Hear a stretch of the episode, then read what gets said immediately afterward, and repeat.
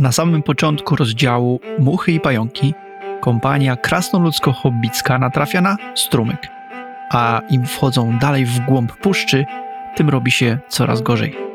Nadal jeszcze pamiętają ostrzeżenie Beorna i trzymają się ścieżki, ale wokół nich wyraźnie gromadzi się jakaś nieodgadniona groza.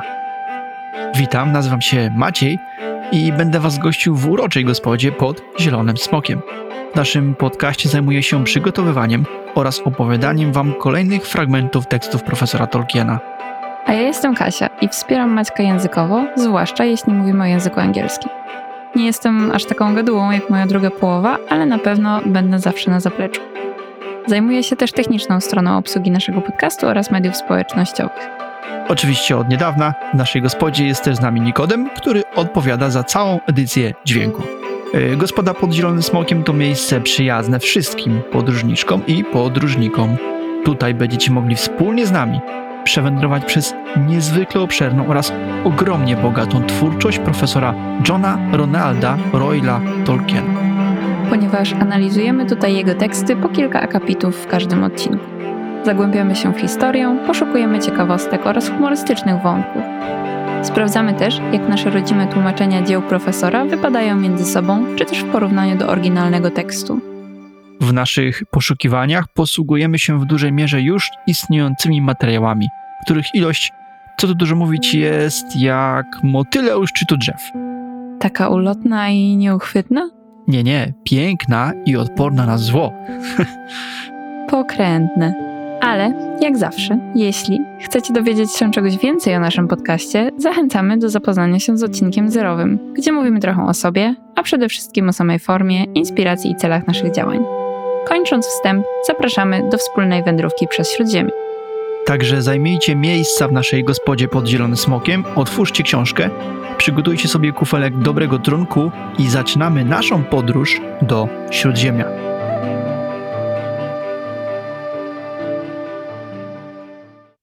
Dobrze, w zeszłym tygodniu było filmowo, to dziś zaczniemy książkowo, bo czas na aktualizację Tolkienu zbioru. I tak jak poprzednie dwie pozycje książkowe, to były książki, które z powodzeniem można było przeglądać dla relaksu czy przed snem, to ta dzisiejsza wymaga pełnego skupienia. I mowa tu o The Lord of the Rings Reader's Companion e, autorstwa Wayna G. Hammonda i Krystyny Skull, wydawnictwo HarperCollins Publishers. Były dwa wydania, nie? 2005 i 2014 rok. Tak, dokładnie. Mamy tą z 2014. No i tak, poza skupieniem przyda się jeszcze duże biurko, na którym można rozłożyć i Władcy Pierścieni, i Reader's Companion. Ponieważ, tak jak mówi sam tytuł, jest to nasz towarzysz w czytaniu Władcy Pierścieni. I książka ta, lub bardziej praca naukowa, można nawet powiedzieć, przeprowadza nas przez każdy rozdział Władcy Pierścieni i dostarcza wyjaśnień, kontekstu, omawia strukturę, miejsca, wydarzenia lub nazwy. Tekst e, tej książki jest tak skonstruowany, że mamy odpowiednie rozdziały Władcy Pierścieni i w nich mamy numer strony, na której te pojęcia występują. Numery stron odnoszą się do standardowego wydania z 2004 roku, e, też wydawnictwa e, HarperCollins. E, jeśli chodzi o samą formę, to książka jest wydana na papierze biblijnym. Tutaj musiałam znaleźć, jak się taki papier nazywa, no i nazywa się papierem biblijnym. Jest to taki bardzo cieniutki papier, jak w słownikach, czy jakichś takich dużych opracowaniach, czy właśnie książkach, czy różnych pismach religijnych. I przez to ta książka wygląda jakby miała, no nie wiem, z 300 stron, a w rzeczywistości ma 894 strony dokładnie. Tak, tak mniej więcej wygląda jak jeden tom e, standardowego wydania Władcy Pierścieni, jeden tom, czyli tam mamy około 500 stron na ogół w tych tomach, a w rzeczywistości ma prawie 900. Tak, no i trzeba uważać, jak się te strony przewraca, ponieważ są bardzo delikatne. W każdym razie, jeśli chcecie zagłębić się w tekst Władcy Pierścieni jeszcze bardziej, to zdecydowanie polecamy tę pozycję. To co? Oddaję głos Maćkowi. Jeszcze może dodamy, pod jakim numerem aktualizujemy ją w Tolkienozbiorze? Tak więc aktualizujemy nasz Tolkienozbiór i wpisujemy tą książkę pod numerem 166. Ok, słuchajcie. Czas zacząć ósmy rozdział książki Hobbit I wiecie co? Zbliżamy się wielkimi krokami do połowy tej powieści. Zajęło nam to około 20 odcinków, nie liczę tych specjalnych oczywiście, no i mniej więcej pół roku. Daje to realną szansę zakończyć pierwszy sezon podcastu w ciągu jednego roku. A to dobry znak. Okej, rozdział numer 8 także podzielimy na trzy części naszego podcastu, ponieważ jest to naprawdę długi i bogaty w wydarzenia rozdział. Dłuższego już w książce nie będzie. Czyli trzy odcinki to i tak pewnie będzie ciasno, żeby się zmieścić ze wszystkim, co dla Was mamy. A jeszcze jak nas y, poniosą jakieś dywagacje i gdybania, co ostatnio często się zdarza. No właśnie. W skrócie, chcemy się trochę przed Wami usprawiedliwić, że no nie zmieścimy się w planowanych pierwotnie 60 minutach na odcinek. Chyba, że Nikoś będzie ciął tak ostro podczas edycji i te 60 minut jakoś tam wykręci. Dobrze. Y, Jeszcze jedna sprawa słowem wstępu. Otóż ten rozdział w ramach ewolucji opowieści był najbardziej znacząco, najwięcej y, nastąpiło w nim zmian w stosunku do tej pierwotnej y, wersji manuskryptu Tolkiena. Będziemy Was na bieżąco informowa- informować, co dokładnie zostało zmienione i w jaki sposób. Okej, słuchajcie, jedno jest pewne. Będzie to kolejny kamień milowy w rozwoju naszego głównego bohatera i nie da się ukryć ulubionego bohatera. Zobaczycie sami, jak wiele się tutaj wydarzy. Dodam jeszcze tylko dla przypomnienia, że tekstem bazowym w tym rozdziale jest dla nas przekład Pauliny Breiter-Ziemkiewicz. To co? Zaczynamy od samiutkiego początku rozdziału. Gotowi? No to słuchajcie. Szli gęsiego. Początek ścieżki przypominał łukowato sklepioną bramę mrocznego tunelu. Tworzyły ją dwa wielkie, nachylone ku sobie drzewa, zbyt stare i zduszone przez warstwy bluszczu i porostów, by wypuścić więcej niż kilka poczerniałych liści.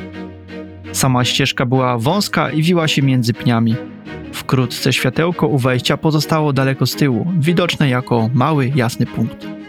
Cisza była tak głęboka, że każde ich stąpnięcie zdawało się rozlegać głośnym hukiem, podczas gdy drzewa chyliły się ku nim, jak gdyby nasłuchując.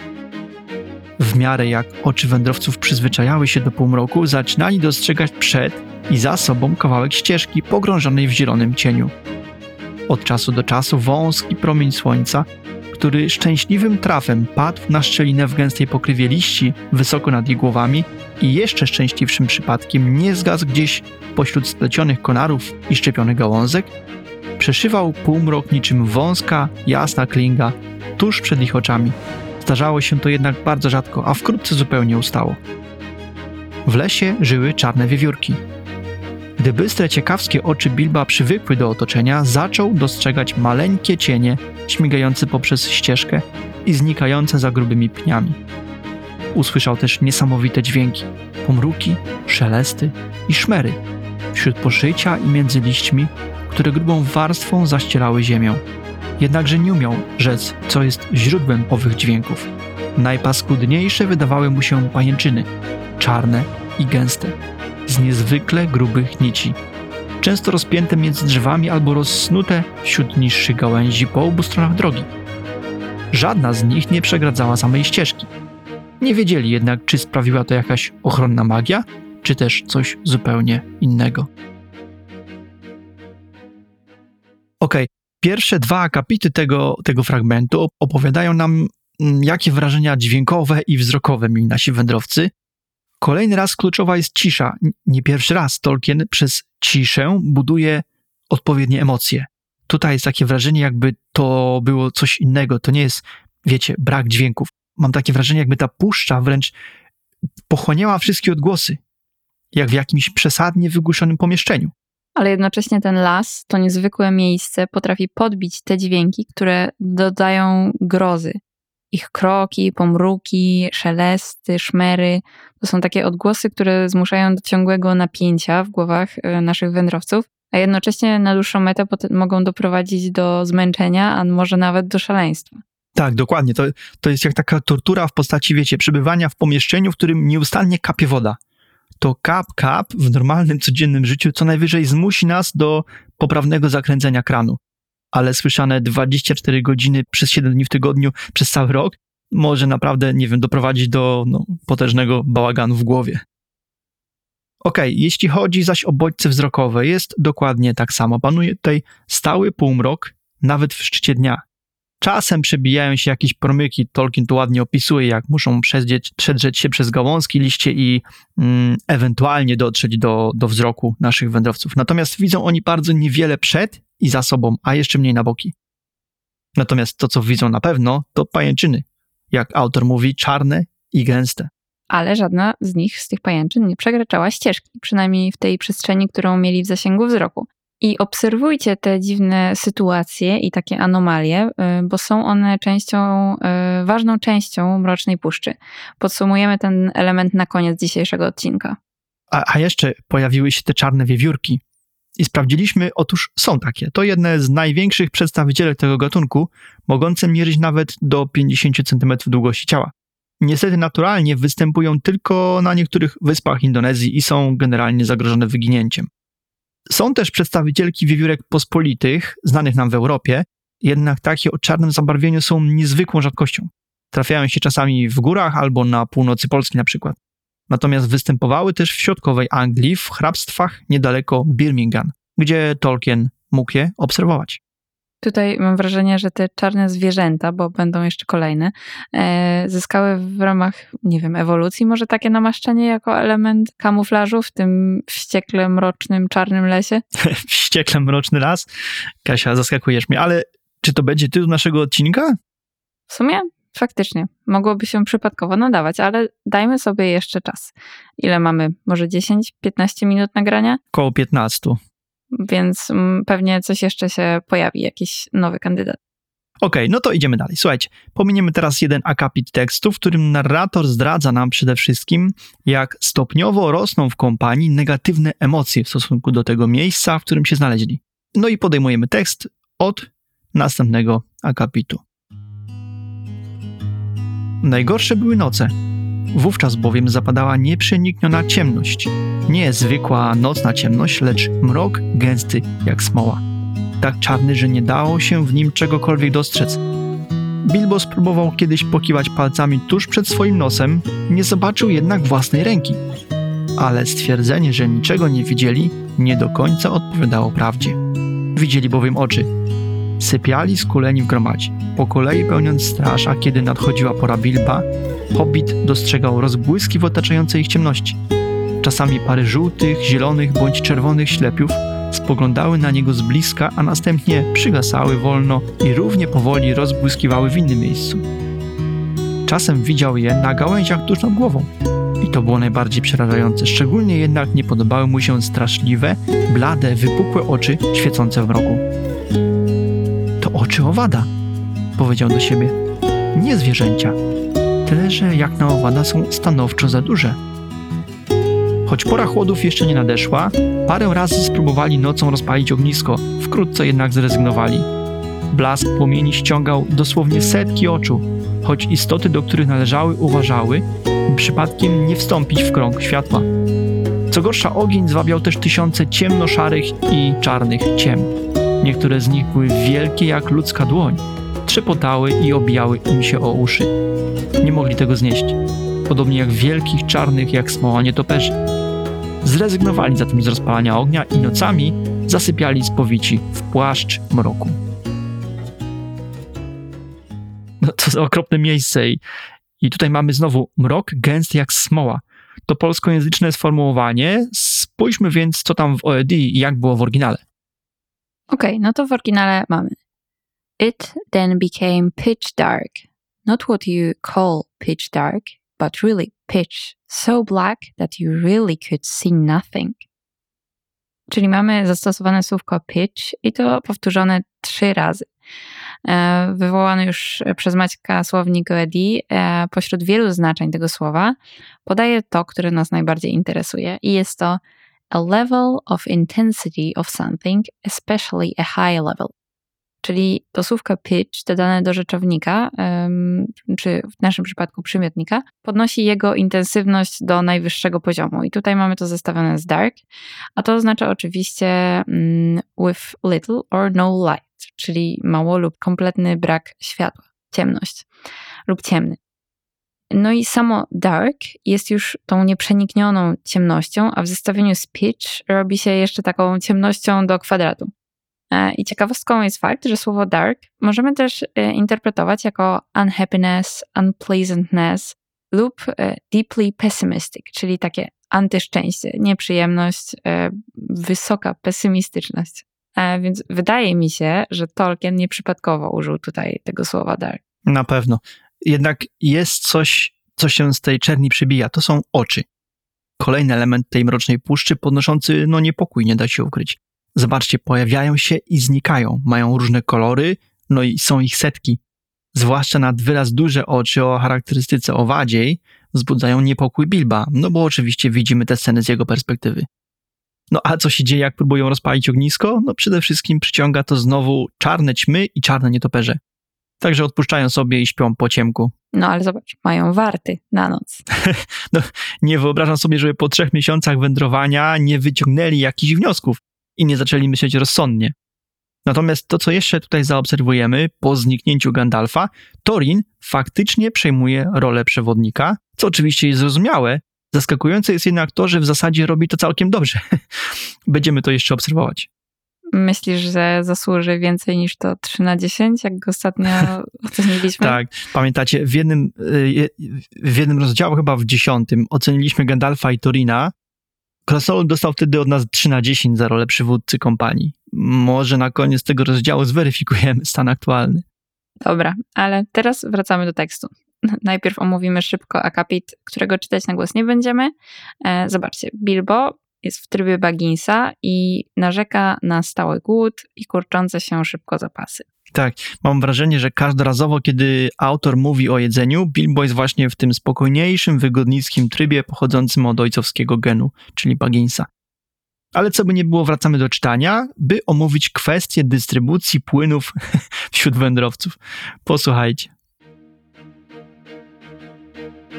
Dręczyło ich też pragnienie. Nie mieli bowiem zbyt wiele wody, a przez cały czas nie natknęli się na źródło czy strumień. Tak się rzeczy miały, kiedy pewnego dnia zobaczyli, że ścieżkę przegradza struga. Była bystra i rwąca, choć niezbyt szeroka, przy tym zupełnie czarna, a przynajmniej tak to wyglądało w półmroku.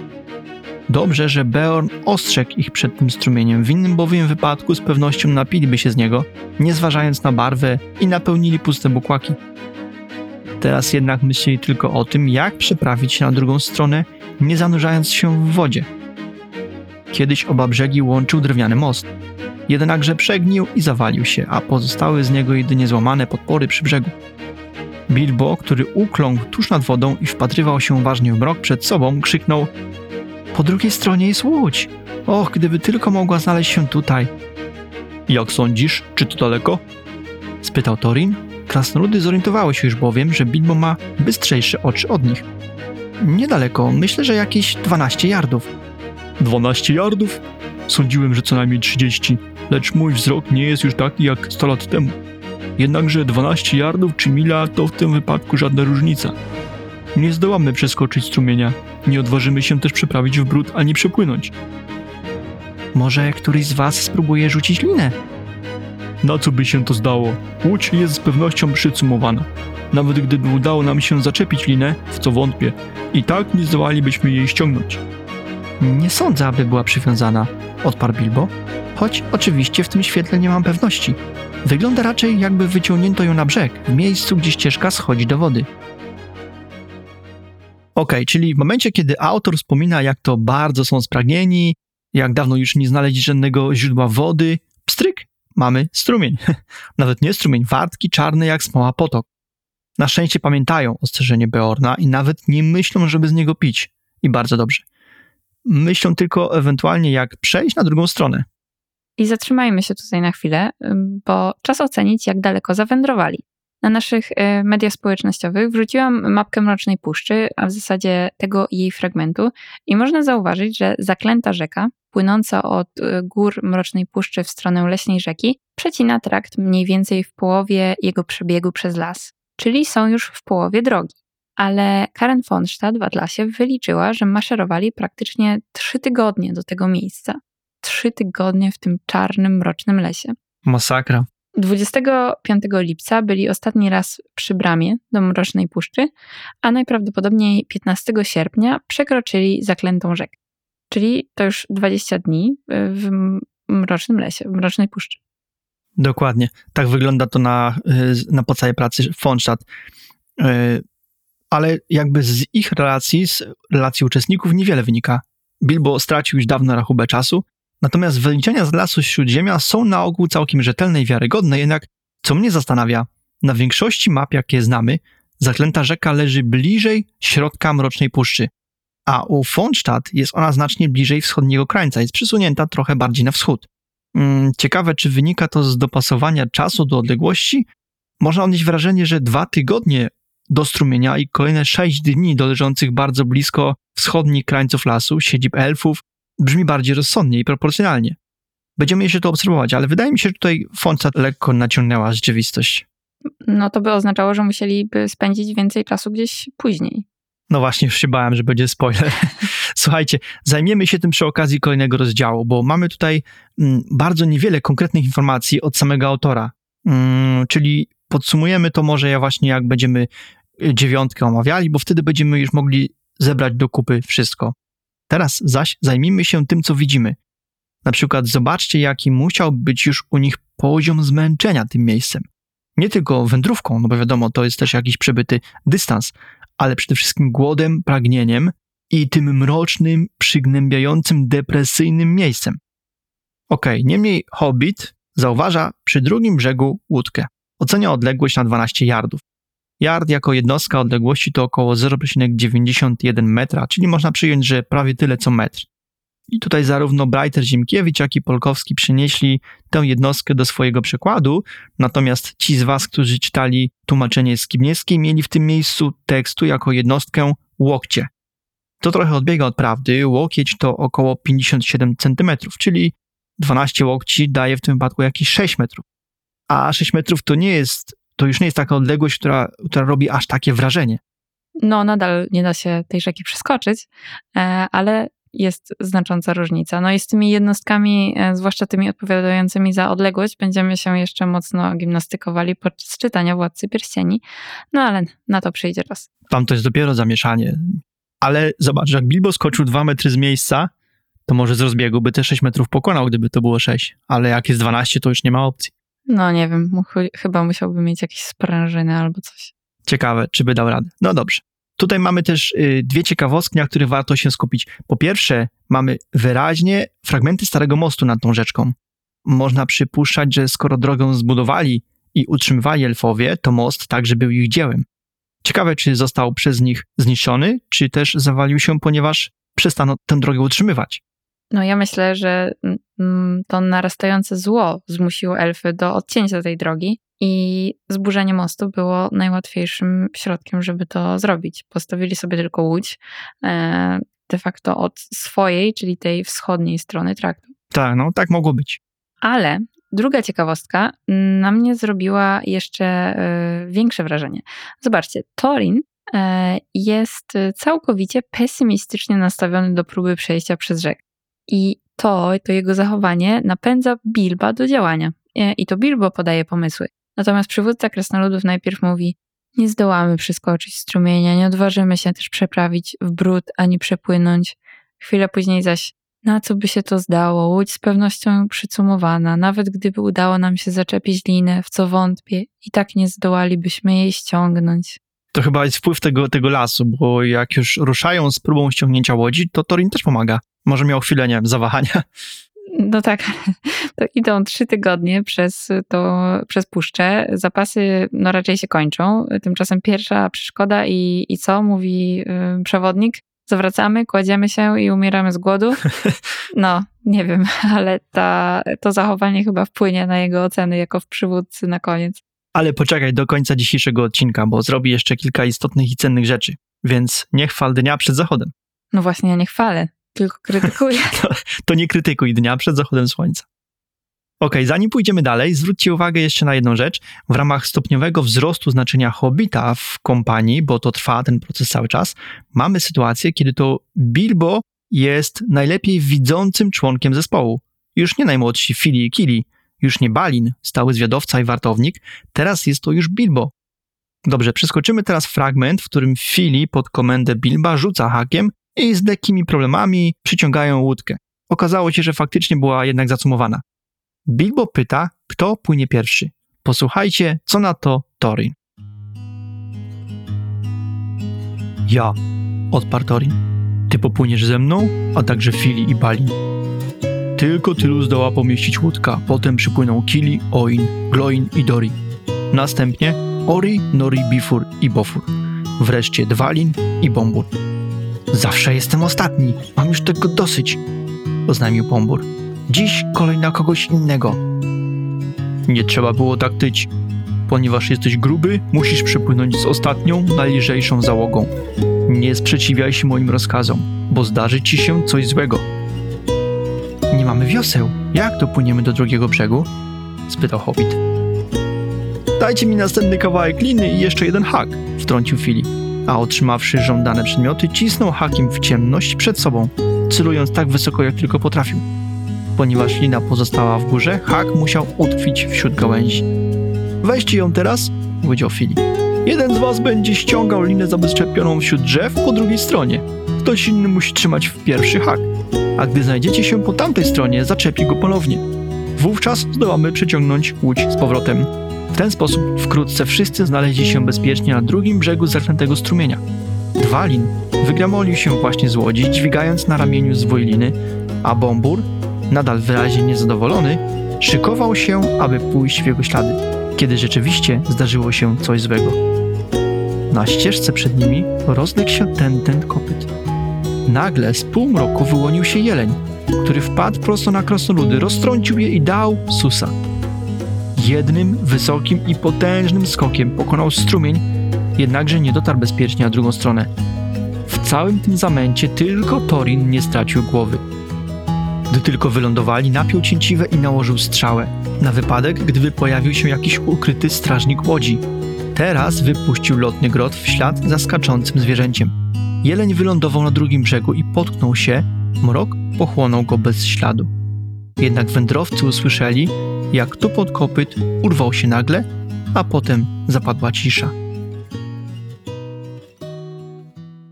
No tutaj już się dzieją rzeczy niezwykłe, ale po kolei. Pierwsze co, zobaczcie, Torin wybiera do pierwszego transportu oprócz siebie Balina, Filego i Bilba. Mam wrażenie, że w tym momencie podjął decyzję o zabraniu najprzydatniejszych członków wyprawy na wypadek, gdyby coś poszło nie tak. A w tym miejscu jest jeszcze ciekawostka, którą wychwycili autorzy podcastu um, Prancing Pony Podcast. Otóż na podstawie wiedzy, którą mamy, Kili, jako starszy brat Filego, siostrzeniec Torina, jest potencjalnym następcą tronu. Czyli przywódca krasnoludów podjął tu decyzję, żeby w razie czego król i jego następca nie znaleźli się w tym samym transporcie. Gdyby coś poszło nie tak z pierwszym transportem, Kili przeżyje, a królewska linia zostanie zachowana. Gdyby zaś ta pierwsza łódź okazała się też ostatnią, no zostaje Torin i Fili, więc nadal mamy zachowaną sukcesję. Tak, czyli tutaj jest jakby rozłożone są te y, dynas, dynastyczne, dziedziczne y, losy rodu Durina. Bardzo mądra decyzja moim zdaniem. Jedyne, co jeszcze mogę dopowiedzieć, to według tej książki oczywiście Kili był starszy ale już w dodatku do Władcy Pierścieni, do trzeciego tomu Władcy Pierścieni, Tolkien podał daty narodzin obu braci i okazuje się, że to Fili jest starszy o 6 lat. I ta nieścisłość w zasadzie nigdy nie została sprostowana. Okej, okay. wracając do tego, co powiedziałem wcześniej, Bilbo trafia do pierwszej łodzi, a to oznacza, że zobaczcie, trafił już do, do pierwszej piątki najważniejszych członków wyprawy. Pierwsza piątka, tak, w koszykówce. Dokładnie. Wcześniej nie łapał się nawet na ławkę rezerwowych a teraz jest postacią, od której zaczyna się układać skład i budować drużynę. Ale w skrócie to pokazuje, jak bardzo zmieniła się jego rola w kompanii. Okej, okay. tymczasem po kolei łódka za łódką przerzucani są następnie towarzysze, ale oczywiście coś musiało się zepsuć. Sam autor sugeruje, że wydarzy się coś złego. Otóż ścieżką biegnie ku nim jakieś stworzenie, kopytne stworzenie. To był jeleń, który wyraźnie przed czymś uciekał rozstrącił kompanię i skoczył na drugi brzeg.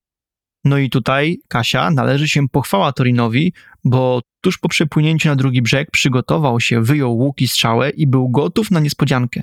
Korzystając więc z okazji, strzelił w stronę tego jelenia. Autor mówi nam tylko tyle, że zwierzę w locie się zachwiało, ale po wylądowaniu usłyszeli oddalający się odgłos kopyt czyli teoretycznie co najmniej przeżył ten lot. Tak, czyli Torin zachował jeszcze trochę instynktów. Dobra, mamy tu jeszcze ciekawostkę językową. Jeleń e, to oczywiście deer. Natomiast samec i samica nazywają się odpowiednio buck, czyli kozioł, e, koziołek i do, kiedy mówimy o samicy. Natomiast Tolkien w oryginale użył tu starszej formy. Ta, bo czemu nie? No tak, przecież książka omawia wydarzenia z dalekiej przeszłości. A więc w starszych wersjach angielskiego mamy określenie heart na samca. Tutaj nie mylić z sercem, bo heart jest opisane e, H-A-R-T i hint na samicę. Za chwilę dowiemy się być może czegoś więcej o tych jeleniach, tymczasem zaś zrobimy króciutką przerwę. Nikoś poprosimy muzyczkę. Ciekawe, czy te jelenie też były czarne. No dobra. Jak co tydzień serdecznie witamy tych i te z Was, którzy odwiedzają naszą gospodę po raz pierwszy. I dziękujemy tym z Was, którzy są z nami co tydzień. I przypominamy, Gospoda pod Zielonym Smokiem to nie tylko podcast. Można nas znaleźć na Instagramie pod Zielonym Smokiem, na Facebooku podcast pod Zielonym Smokiem. Czekamy też na Wasze maile na gospoda małpa pod zielonym smokiem pisane razem.com. Jeżeli podoba Wam się to, co tutaj robimy, zachęcamy do wystawiania nam ocen i komentarzy oraz do zasubskrybowania kanału. Zachęcamy również do rozszerzenia naszej społeczności. Jeśli macie znajomych, którzy mogą być zainteresowani wspólnym wędrowaniem przez dzieła Tolkiena, zaproście ich pod Zielonego Smoka. Nasza strona internetowa pod zielonysmokiem.com zawiera linki do wszystkich odcinków wraz z przypisami, a także przebogaty Tolkienozbiór, czyli bibliotekę książek obu Tolkienów, J.R.R. i Christophera. Zawiera oczywiście także książki o Tolkienie. Zapraszamy też do dyskusji na wszystkich dostępnych kanałach. Jesteśmy otwarci na Wasze sugestie, podpowiedzi, komentarze i dodatkowe informacje, które pomogą nam się rozwinąć. Okej, i słuchajcie, podejmujemy tekst książki dokładnie w miejscu, gdzie skończyliśmy poprzedni fragment. Zanim zdążyli pochwalić celność strzału, przeraźliwy krzyk Bilba przegnał wszelkie myśli o świeżej dziczyźnie. Bombur wpadł do wody! Bombur wpadł do wody! krzyczał hobbit. Niestety, kiedy jeleń w pędzie skoczył mu nad głową, Bombur stał tylko jedną nogą na ziemi. Zachwiał się, odpychając łódź od brzegu, po czym sam runął na plecy w mroczny nurt. Ręce zsunęły mu się po oślizgłych przybrzeżnych korzeniach, a tymczasem łódka odpłynęła powoli i zniknęła. Kiedy dobiegli nad brzeg, nadal widzieli kaptur bombura nad powierzchnią wody. Szybko rzucili mu linę zakończoną hakiem, a gdy ją złapał, wciągnęli go na brzeg. Przemógł oczywiście od stóp do głów, ale nie to było najgorsze. Kiedy położyli go na trawie, spał już mocno, jedną dłonią ściskając linę tak, że nie mogli mu jej wyrwać i trwał pogrążony we śnie pomimo wysiłków towarzyszy. Stali wokół, przeklinając swego pecha i niezręczność Bombura oraz opłakując utratę łodzi. Teraz nie mogli zawrócić i poszukać zabitego jelenia. Nagle z głębi lasu ich uszu dobiegły daleki dźwięk rogów i szczekanie ogarów. Wówczas umilkli i usiedli. Wyglądało na to, że słyszą odgłosy wielkiego polowania, odbywającego się na północ od ścieżki, choć nie dostrzegali niczego. Przez długi czas siedzieli tak, nie śmiąc się poruszyć. Bombur spał dalej, z uśmiechem na tłustej twarzy, jakby nie przejmował się już ich kłopotami. Nagle na ścieżce przed nimi pojawiła się łania z młodymi. Miała maść tak śnieżno-białą, jak ciemny był wcześniej jeleń. Ich sierść lśniła wśród cieni. Zanim Torin zdążył cokolwiek krzyknąć, trzech spośród krasnoludów zerwało się na nogi i wypuściło strzały. Najwyraźniej żadna z nich nie trafiła, bo zwierzęta zawróciły i zniknęły wśród drzew, równie cicho, jak wcześniej się zjawiły. Na próżno krasnoludy spały za nimi strzały. Kasia, masz odpowiedź na pytanie sprzed przerwy? Czy jeleń był czarny? Tak, był. Tak samo ciemny, jak obecnie ukazująca im się łania z młodymi była śnieżno-biała, czyli wiadomo, bardzo mocno musiał być, musiał mieć ciemną maść. Okej, okay, słuchajcie, trzy akapity tekstu, ale Tolkien nie daje ani chwili wytchnąć. Najpierw Bombur wpada do wody. Na okrzyk Bilba krasnoludowie ratują go, rzucając mu linę. Jednak gdy trafia na brzeg, od razu zasypia, jak kamień. Oczywiście w ferworze walki stracili łódkę, a to oznacza, że odwrotu już nie mają. Koniec. Zostaje im tylko jeden kierunek, tylko na wschód. Jak na i tak ciężkie położenie i poziom zmęczenia psychicznego samym tym lasem, plus kończące się zapasy, no to teraz dochodzi jeszcze brak opcji odwrotu, a przecież oni nie wiedzą, jak daleko zawędrowali. No i kiedy tak stoją i lamentują, z lasu dobiega ich odgłos psów łowieckich i granie rogów. To typowe dźwięki polowania i tutaj warto spojrzeć, co w tym temacie mówił Douglas Anderson w książce Hobbit z objaśnieniami.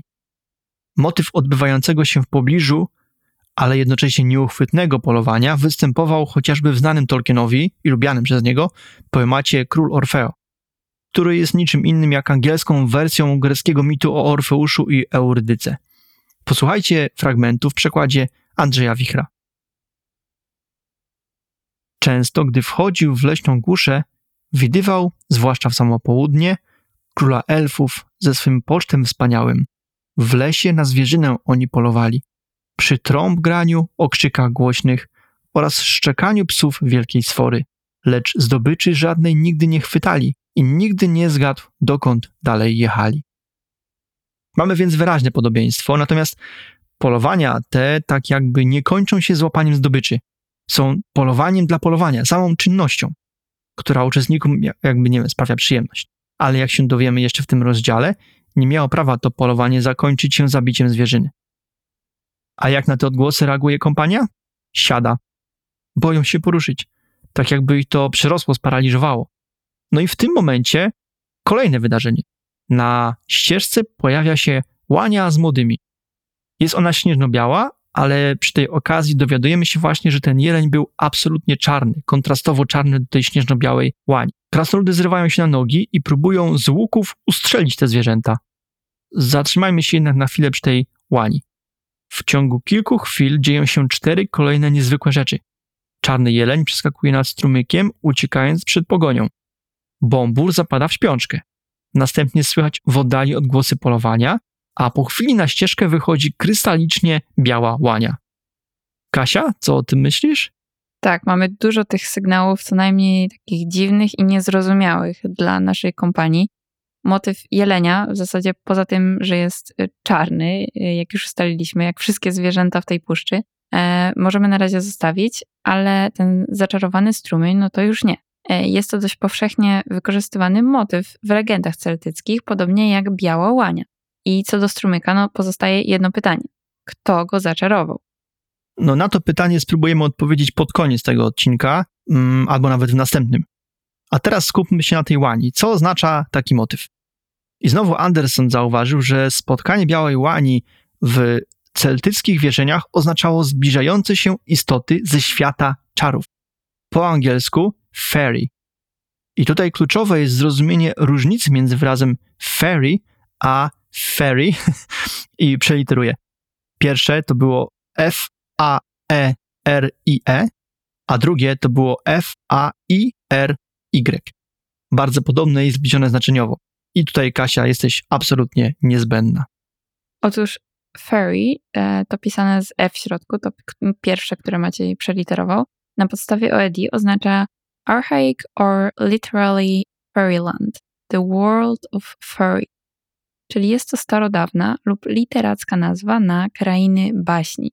I Tolkien we wczesnym stadium tworzenia swojego legendarium używał słowa fairy zamiennie z y, elf, e, czyli w ten sposób określał same elfy, jak, e, jak i ich krainy. I dla porównania słowo fairy, to z Y na końcu, a które już kiedyś tu umawialiśmy chyba w odcinku ósmym podcastu, to ta niewielkich rozmiarów na ogół w kobiecej formie wróżka.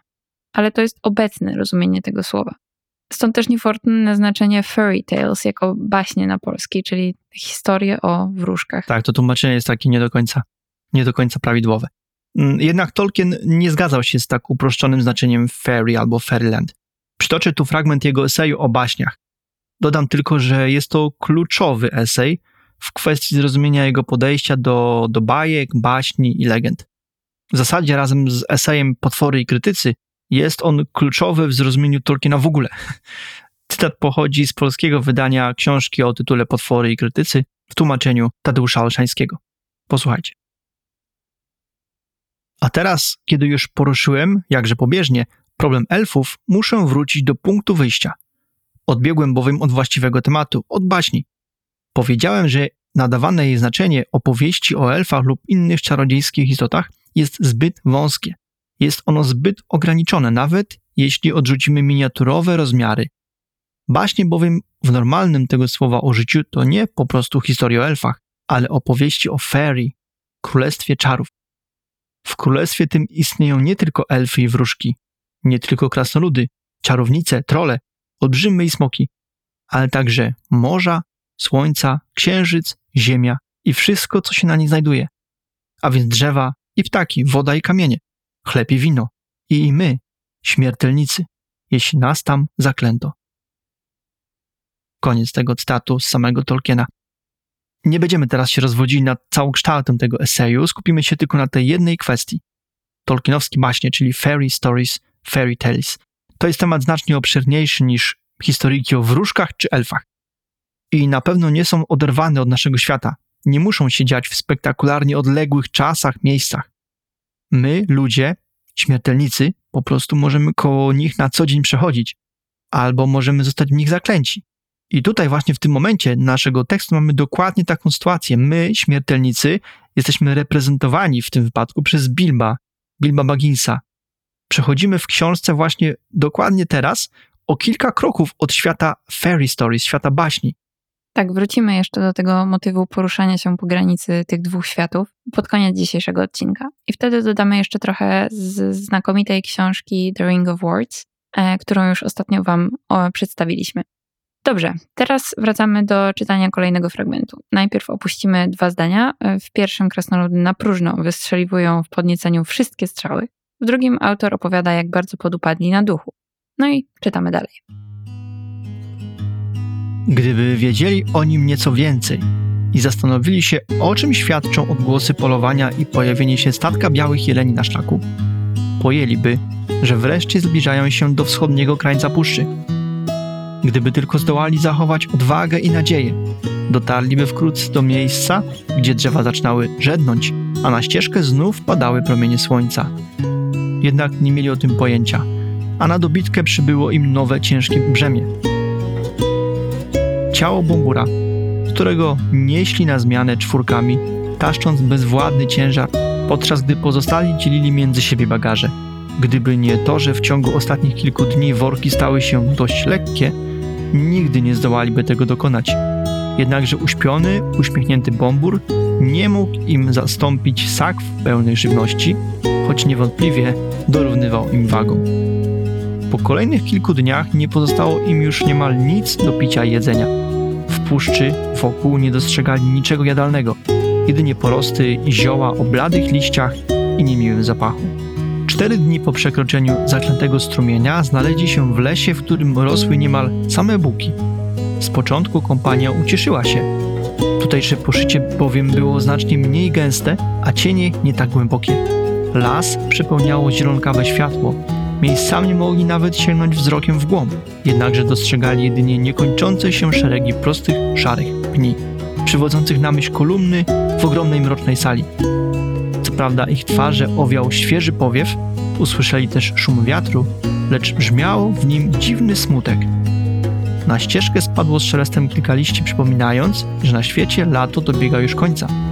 Pod stopami wędrowców szeleściły suche liście, pamiątki niezliczonych poprzednich jesieni naniesione na ścieżkę wprost z ciemno-rdzawego leśnego kobierca. Tak, to co już Kasia mówiła, symbolika tych białych jeleni. Tolkien pisze też o tym, jak niewiele im brakowało do wschodniego krańca, krańca lasu i te symbole właśnie miały świadczyć o tym, że zbliżają się do tego. Za naprawdę niedługo drzewa miały zacząć żednąć, a słońce miało się zacząć przybijać przez konary i liście i znowu Autor mówi nam dokładnie o tych potrzebach, które były dla nich najbardziej odczuwalne. Brak tego naturalnego światła, ruchu powietrza. No i oczywiście oni muszą taszczyć bombura. Tolkien nieprzypadkowo akurat jego wtrącił do wody, bo przecież był najcięższy. Musieli go nosić w czwórkę, jednocześnie dzieląc się pozostałymi bagażami. I słuchajcie, tu jeszcze warto dodać y, to, co mówiłeś na początku. Otóż cały ten fragment o strumieniu, zaśnięciu bombura i pojawieniu się jelenia, łani młodych nie istniał w pierwotnym rękopisie. Tolkien dołożył go w późniejszych pracach nad tekstem. I to jest jedna z tych istotnych zmian pomiędzy pierwszą a ostateczną wersją treści rozdziału. Dokładnie, to jest to właśnie pierwsza i będą jeszcze kolejne. Wracając zaś do treści, tak mijają cztery dni, po których trafiają do części Mrocznej Puszczy, w których rosną praktycznie same buki. Zrobiło się trochę przestronnie, nawet poczuli wiaterek, ale autor sugeruje, że szum wiatru przypełniony był dziwnym smutkiem. To jest kolejny sygnał, że las, że ta magia, że ta otaczająca ich groza, nierozpoznana jeszcze, nie odpuszcza ani trochę. Ostatnie dwa zdania akapitu to doskonały opis odczuć, jakie można zaznać w lesie. Te szeleszczące liście, ciemnordzawe. Na pewno każdy z Was był nieraz w lesie. Ja osobiście uwielbiam być między drzewami, a opis Tolkiena kolejny raz jest tak dobitnie obrazowy, że przywołuje gotowe wizje przed oczy czytelnika. I to dosłownie w kilku sugestywnych wyrazach. I, I jeszcze co u Tolkiena jest często, te obrazy, które on przywołuje, to nie są tylko bodźce wzrokowe, ale także słuchowe, zapachowe, wszystkie możliwe zmysły. Mistrzostwo Tolkienowe, tak zwane. ok, podejmujemy tekst rozdziału bez żadnej przerwy. Bombur nadal spał, a jego towarzyszy ogarnęło ogromne znużenie. Czasami słyszeli niepokojący śmiech, czasami jakiś śpiew w oddali. Roześmiane głosy nie należały do goblinów, a pieśń była piękna, lecz brzmiała dziwacznie i niesamowicie. To też nie dodawała ducha krasnoludom, a raczej kazała im przyspieszyć kroku i maszerować z całych sił, jakie im jeszcze pozostały. Dwa dni później stwierdzili, że ścieżka opada w dół. Wkrótce znaleźli się w dolinie porośniętej niemal całkowicie gęstwiną potężnych dębów. Czy ten przeklęty las nigdy się nie skończy? spytał Torin. Ktoś musi wspiąć się na drzewo i sprawdzić, czy da radę wdrapać się na sam wierzchołek i rozejrzeć wokoło. Musimy tylko wybrać możliwie najwyższe drzewo. Rzecz jasna, ktoś oznaczało w tym wypadku Bilba. Wybrali go, bo żeby cokolwiek zobaczyć, zwiadowca musiał wystawić głowę ponad pokrywę liści, a tylko hobbit był dość lekki, by utrzymały go najwyższe i najcieńsze gałęzie. Biedny pan Baggins nie miał zbyt wielkiej wprawy we wspinaniu się na drzewa, ale krasnoludy podsadziły go na najniższy konar ogromnego dębu, rosnącego tuż obok ścieżki. Dalej sam musiał sobie radzić. Przepychał się zatem przez splątane gałązki, które biły go po oczach. Umorsany wilgotną starą korą, pokrywającą grubsze konary, kilka razy ześlizgiwał się, by w ostatniej chwili wchwycić na oślep gałąź, ratując się przed upadkiem. Aż wreszcie, z największym trudem pokonawszy odcinek pnia pozbawiony dogodnych podpór do wspinaczki, dotarł niemal na szczyt. Cały czas dręczyła go myśl o pająkach. Zastanawiał się też, jakim cudem uda mu się zejść, jeśli wpierw nie spadnie. Ok, słuchajcie, w tym pierwszym momencie ten, tego czytanego fragmentu mamy znów do czynienia z jakimiś magicznymi odgłosami. Nadal nie wiemy, czym one są, i choć krasnoludowie czy, czy też Bilbo wyczuwają w nich jakieś piękno, jest też śmiech, to jednak napawa ich to dziwnym niepokojem i strachem. Mm, być może to działa tak jak śpiew syren, które przecież mają śliczne głosy, ale ich celem jest przecież zwabienie marynarzy ku ich zgubie. Tego pewnie się obawiali Torin i kompania. W następnym akapicie ścieżka zaczyna schodzić lekko w dół. Przywódca kompanii wymyślił, że trzeba wejść na drzewo i sprawdzić, co tu się dzieje. Oczywiście wybierają hobita, bo całkiem sensownie jest najlżejszy, a przecież trzeba wychynąć za najwyższych gałęzi. A jak może pamiętacie, w ramach szóstego rozdziału i lotów z orłami, autor wyraźnie mówił, że Bilbo nie tylko miał lęk wysokości, ale wręcz nigdy nie wchodził na drzewa, a tutaj musiał wgramolić się na sam szczyt. Tak jest, pamiętajcie, hobici żyją blisko natury oczywiście, to jednak, jednak są istotami raczej no, przyziemnymi, ale to w cudzysłowie mówię, bo chodzi o to, że żyją w norkach prowadzą proste formy rolnictwa, a do tego nie za bardzo tolerują przygody, a, a chodzenie po drzewach w ich kraiku no, podchodzi już pod przygody. Być może jednak ta gęstość lasów wpływała trochę na korzyść. Wiecie, jak nie widać ani gruntu pod tobą, ani za bardzo przestrzeni, e, tak naprawdę brakuje punktu odniesienia, żeby stwierdzić, że jest się na wysokości. Poza tym, nie zapominajmy, Bilbo jest cały czas w trakcie ewolucji swojego charakteru i osobowości, a momentami te zmiany postępują bardzo szybko. Tak, być może to wszystko razem połączone dało mu na tyle odwagi, żeby w ogóle się wgramolić na sam szczyt. Ale też myślę, że w takich momentach wyraźnie odzywa się w nim ten pierwiastek tukowski. Niemniej myśli on ciągle o dwóch rzeczach. Czy trafi na pająki i jak później zejdzie. To co, słuchajcie, przeskakujemy teraz do ostatniego dzisiaj czytanego fragmentu rozdziału, ostatniego w ramach tego odcinka. Posłuchajcie. W końcu wysunął głowę nad liściaste sklepienie i rzeczywiście spotkał tam pająki, lecz były to tylko zwykłe małe pająki, polujące na motyle. Światło dzienne niemal oślepiło hobita. Słyszał dobiegające z tyłu krzyki krasnoludów. Nie miał jednak sił, by odpowiedzieć. Trzymał się tylko kurczowo pnia i mrugał. Słońce płonęło jasno na niebie i przez dłuższą chwilę oczy Bilba nie mogły znieść tego blasku. Kiedy wreszcie wzrok przywykł mu do światła, ujrzał wokół morze ciemnej zieleni. Lekki wietrzyk marszczył powierzchnię oceanu liści, a wszędzie wokoło fruwały setki motyli. Przypominały one fioletowe mieniaki, motyle, które upodobały sobie szczyty dębowych drzew. Jednak te z mrocznej puszczy nie były fioletowe, lecz czarne. Aksamitnie czarne, bez żadnych wzorów na skrzydłach. Bilbo długo obserwował czarne motyle, rozkoszując się dotykiem wiatru na twarzy i włosach. Wreszcie jednak krzyki krasnoludów, tupiących niecierpliwie w dole, przypominały mu, po co wdrapał się tak wysoko. Widok nie był pocieszający, choćby nie wiem jak wytężał wzrok. Wszędzie wokoło dostrzegał jedynie drzewa i liście, a choć widok słońca i dotyk wiatru na twarzy sprawiły, że poczuł się lekko i beztrosko, teraz serce przygniótł mu nowy, jeszcze większy ciężar. Zdał sobie sprawę, że na dole nie czeka na niego posiłek. W rzeczywistości, jak już wam mówiłem, kompania znalazła się na całkiem blisko krańca lasu. I gdyby Bilbo był dość uważny, spostrzegłby, że drzewo, na które się wdrapał, choć niewątpliwie wysokie, stoi na dnie rozległej doliny. Wokół zaś, niczym brzegi Wielkiej Misy, wznoszą się porośnięte puszczą zbocza. Nic więc dziwnego, że nie mógł stwierdzić, jak daleko sięga las. Hobbit jednak nie zauważył tego i zgnębiony zaczął zsuwać się w dół. W końcu dotarł na ziemię, zgrzany, podrapany i nieszczęśliwy. Przez chwilę znów nic nie widział w panującym tu mroku. Wysłuchawszy jego relacji, krasnoludy także poddały się rozpaczy. Las ciągnie się bez końca we wszystkie strony. Co my poczniemy? I po cóż wysyłaliśmy na górę Hobita? Krzyczały, jakby to wszystko była wina Bilba. I jego towarzyszy zupełnie nie obchodziły motyle, a wzmianka o cudownym wietrzyku tylko jeszcze bardziej ich rozłościła. Sami bowiem byli zbyt ciężcy, by wspiąć się tak wysoko.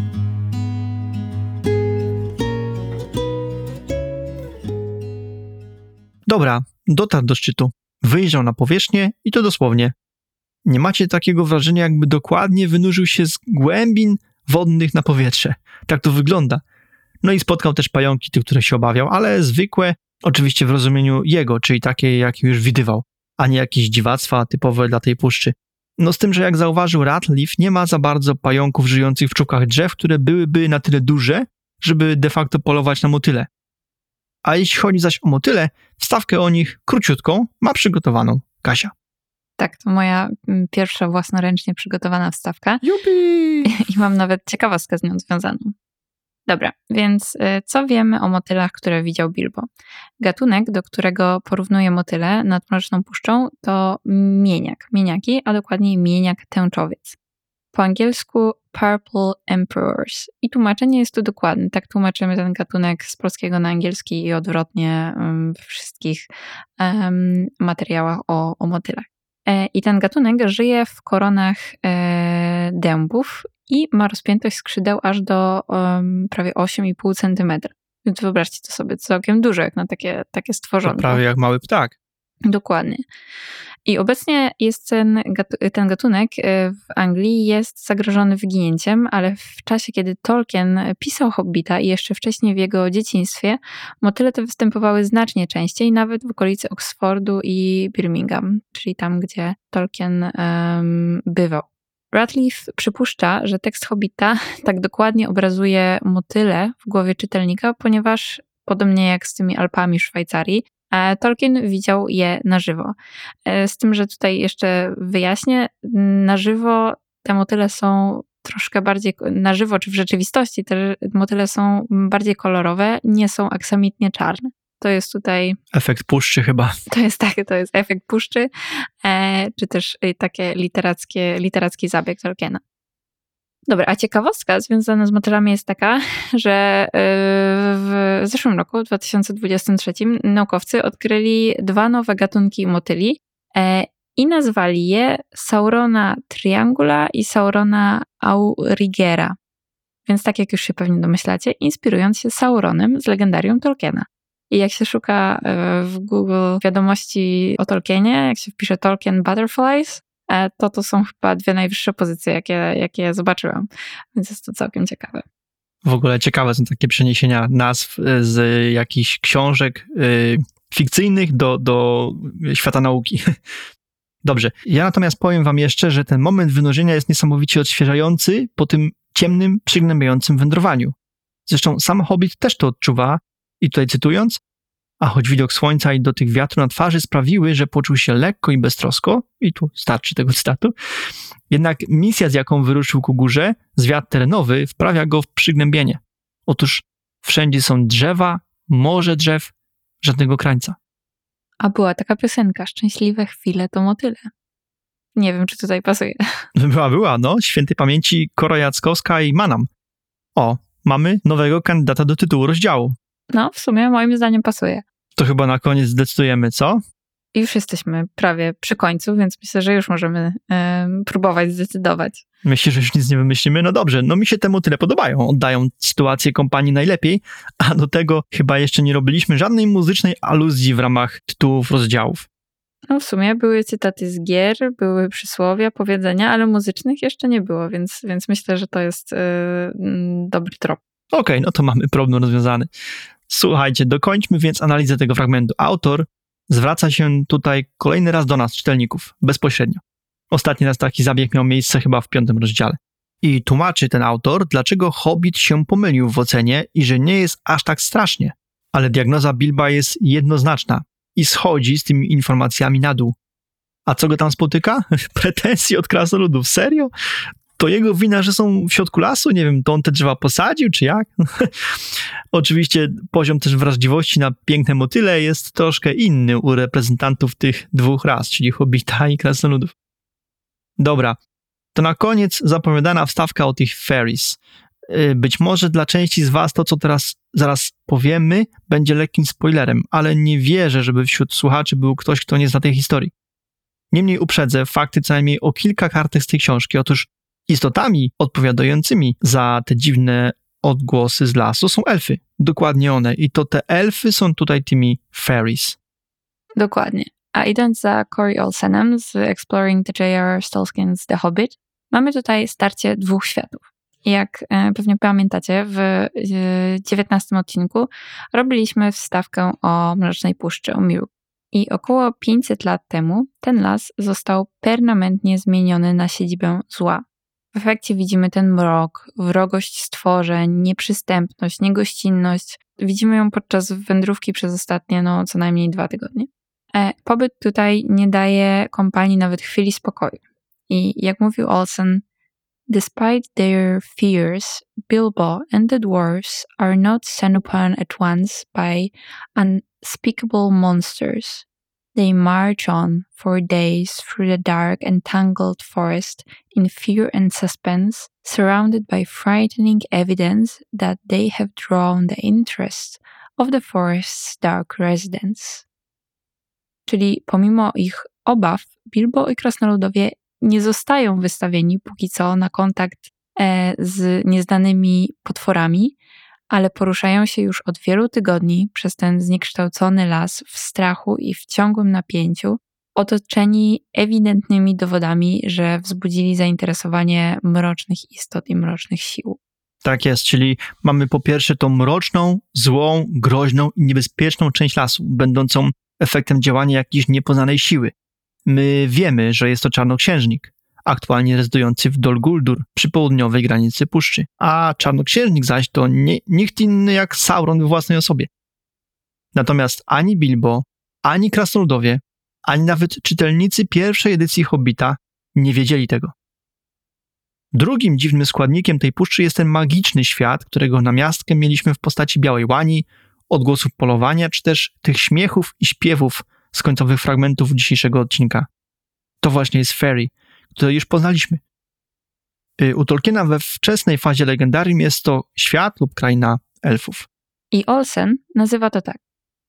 They hear drifting through the trees the sound of laughter and singing, and although it is the laughter of fur voices and the singing is beautiful, they hurry on faster, for it sounds airy and strange. It is clear that when they crossed into Mirkwood, they did not just enter a land of danger and dread, they entered some kind of enchanted other world. Bilbo seems to have stumbled into the perilous realm of fairy. Czyli w pierwszym zdaniu autor cytatu zauważa dokładnie to, co powiedział Maciek, te wszystkie dziwne przejawy magii. I dalej jest jasne, że po wejściu do Mirkwood weszli nie tylko do krainy niebezpieczeństw i grozy, wkroczyli także do pewnego rodzaju zaczarowanego świata. I wydaje się, że Bilbo wpadł do zgubnej krainy baśni. do krainy Fairy, dokładnie. Jesteśmy świadkami niejakiego starcia tych dwóch sił. Zobaczcie, one się ciągle w tym lesie przypychają nawzajem, naprzemiennie atakują swo- st- e, strefy swoich wpływów, przeciwnika wpływów. Zobaczcie, ścieżka, którą idą, zbudowana przecież przez elfy, jest zasadniczo bezpieczna, ale tuż poza jej granicą czają się stworzenia ewidentnie złe i niebezpieczne. Ale elfy też są niebezpieczne. Nie zapominajmy o tym, że to nie są takie same elfy jak te z Rivendell. Te tutaj mają, mają nieco inną naturę, o której powiemy coś więcej w ramach odcinka 23. Tak, i w ramach tego starcia tych sił, zobaczcie, było mówione, że te pajęczyny nie przekraczały ścieżki w żadnym momencie. Czyli- tutaj jest wyraźna granica, czyja strefa wpływów jest gdzie. Obie te siły mogą też doprowadzić do zguby nieprzygotowanego wędrowca. W tym momencie rozgrywka, jaka się toczy na granicy ścieżki lasu, to bardzo brutalna walka o śmierć i życie. I nasi bohaterowie, oni się niejako ocierają o, tą, o granicę tych starć, ale ta zła, skorumpowana magia kontra te dziwne, zgubne, nierozpoznane czary elfów. Jednak, co jest bardzo ważne, obie te siły są równie groźne. Także oni się nieźle wpakowali, a rokowania nie są dobre. Bombur śpi, trzeba go nieść. Jedzenie praktycznie na wyczerpaniu, no i końca lasu nie widać. A do tego stracili opcję odwrotu, bo przecież yy, łódka odpłynęła, a bez niej nie pokonają zaklętej rzeki. Jednak nasi bohaterowie pozostaną bezpieczni tak długo, jak nie zejdą ze ścieżki. Tak przynajmniej mówił Beorn i Gandalf. Czy im się to uda? Tego dowiemy się za tydzień, bo To by było na tyle, jeśli chodzi o dzisiejszy odcinek. On taki mroczny i ciemny, ten odcinek, ale oni są w takim miejscu, więc jakby to jest naturalne. Może następne odcinki będą trochę bardziej, e, jeśli nie jasne, to co najmniej żywiołowe. Zobaczymy. Dziękujemy bardzo za Wasz czas spędzony z nami pod Zielonym Smokiem i pamiętajcie, czekamy na Wasze maile i pytania w mediach społecznościowych. Postaramy się też oczywiście najciekawsze zagadnienia czy komentarze poddać publicznej analizie na łamach tegoż podcastu. nie zapomnijcie też kliknąć subskrypcji w Waszej ulubionej aplikacji. Przepisy do wykorzystanych w tym epizodzie cytatów oraz innych materiałów znajdziecie w bibliografii odcinka na naszej stronie internetowej. Tam mamy też pełny, bardzo bogaty Tolkien odbiór oraz zestawienie innych mediów, z których korzystamy tworząc podcast. A w oczekiwaniu na kolejny odcinek zapraszamy do przeczytania ósmego rozdziału Hobbita. Zwłaszcza jego środkowej sekcji, gdzie zajmiemy się arachnofobią. I to w rozmiarze XXL. Także wszyscy słuchacze i słuchaczki ze zdiagnozowaną fobią przed pająkami, szykujcie się na mocne wrażenie. Ale nie bójcie się. Ani ze słuchawek, ani z głośników podczas słuchania naszego podcastu żaden pająk nie wyskoczy. To wam obiecujemy. Tak więc do usłyszenia w podcaście pod Zielonym Smokiem za tydzień. I jak mówił Gandalf, niech wiatr niesie wasze skrzydła tam, gdzie słońce żegluje i gdzie przechadza się księżyc.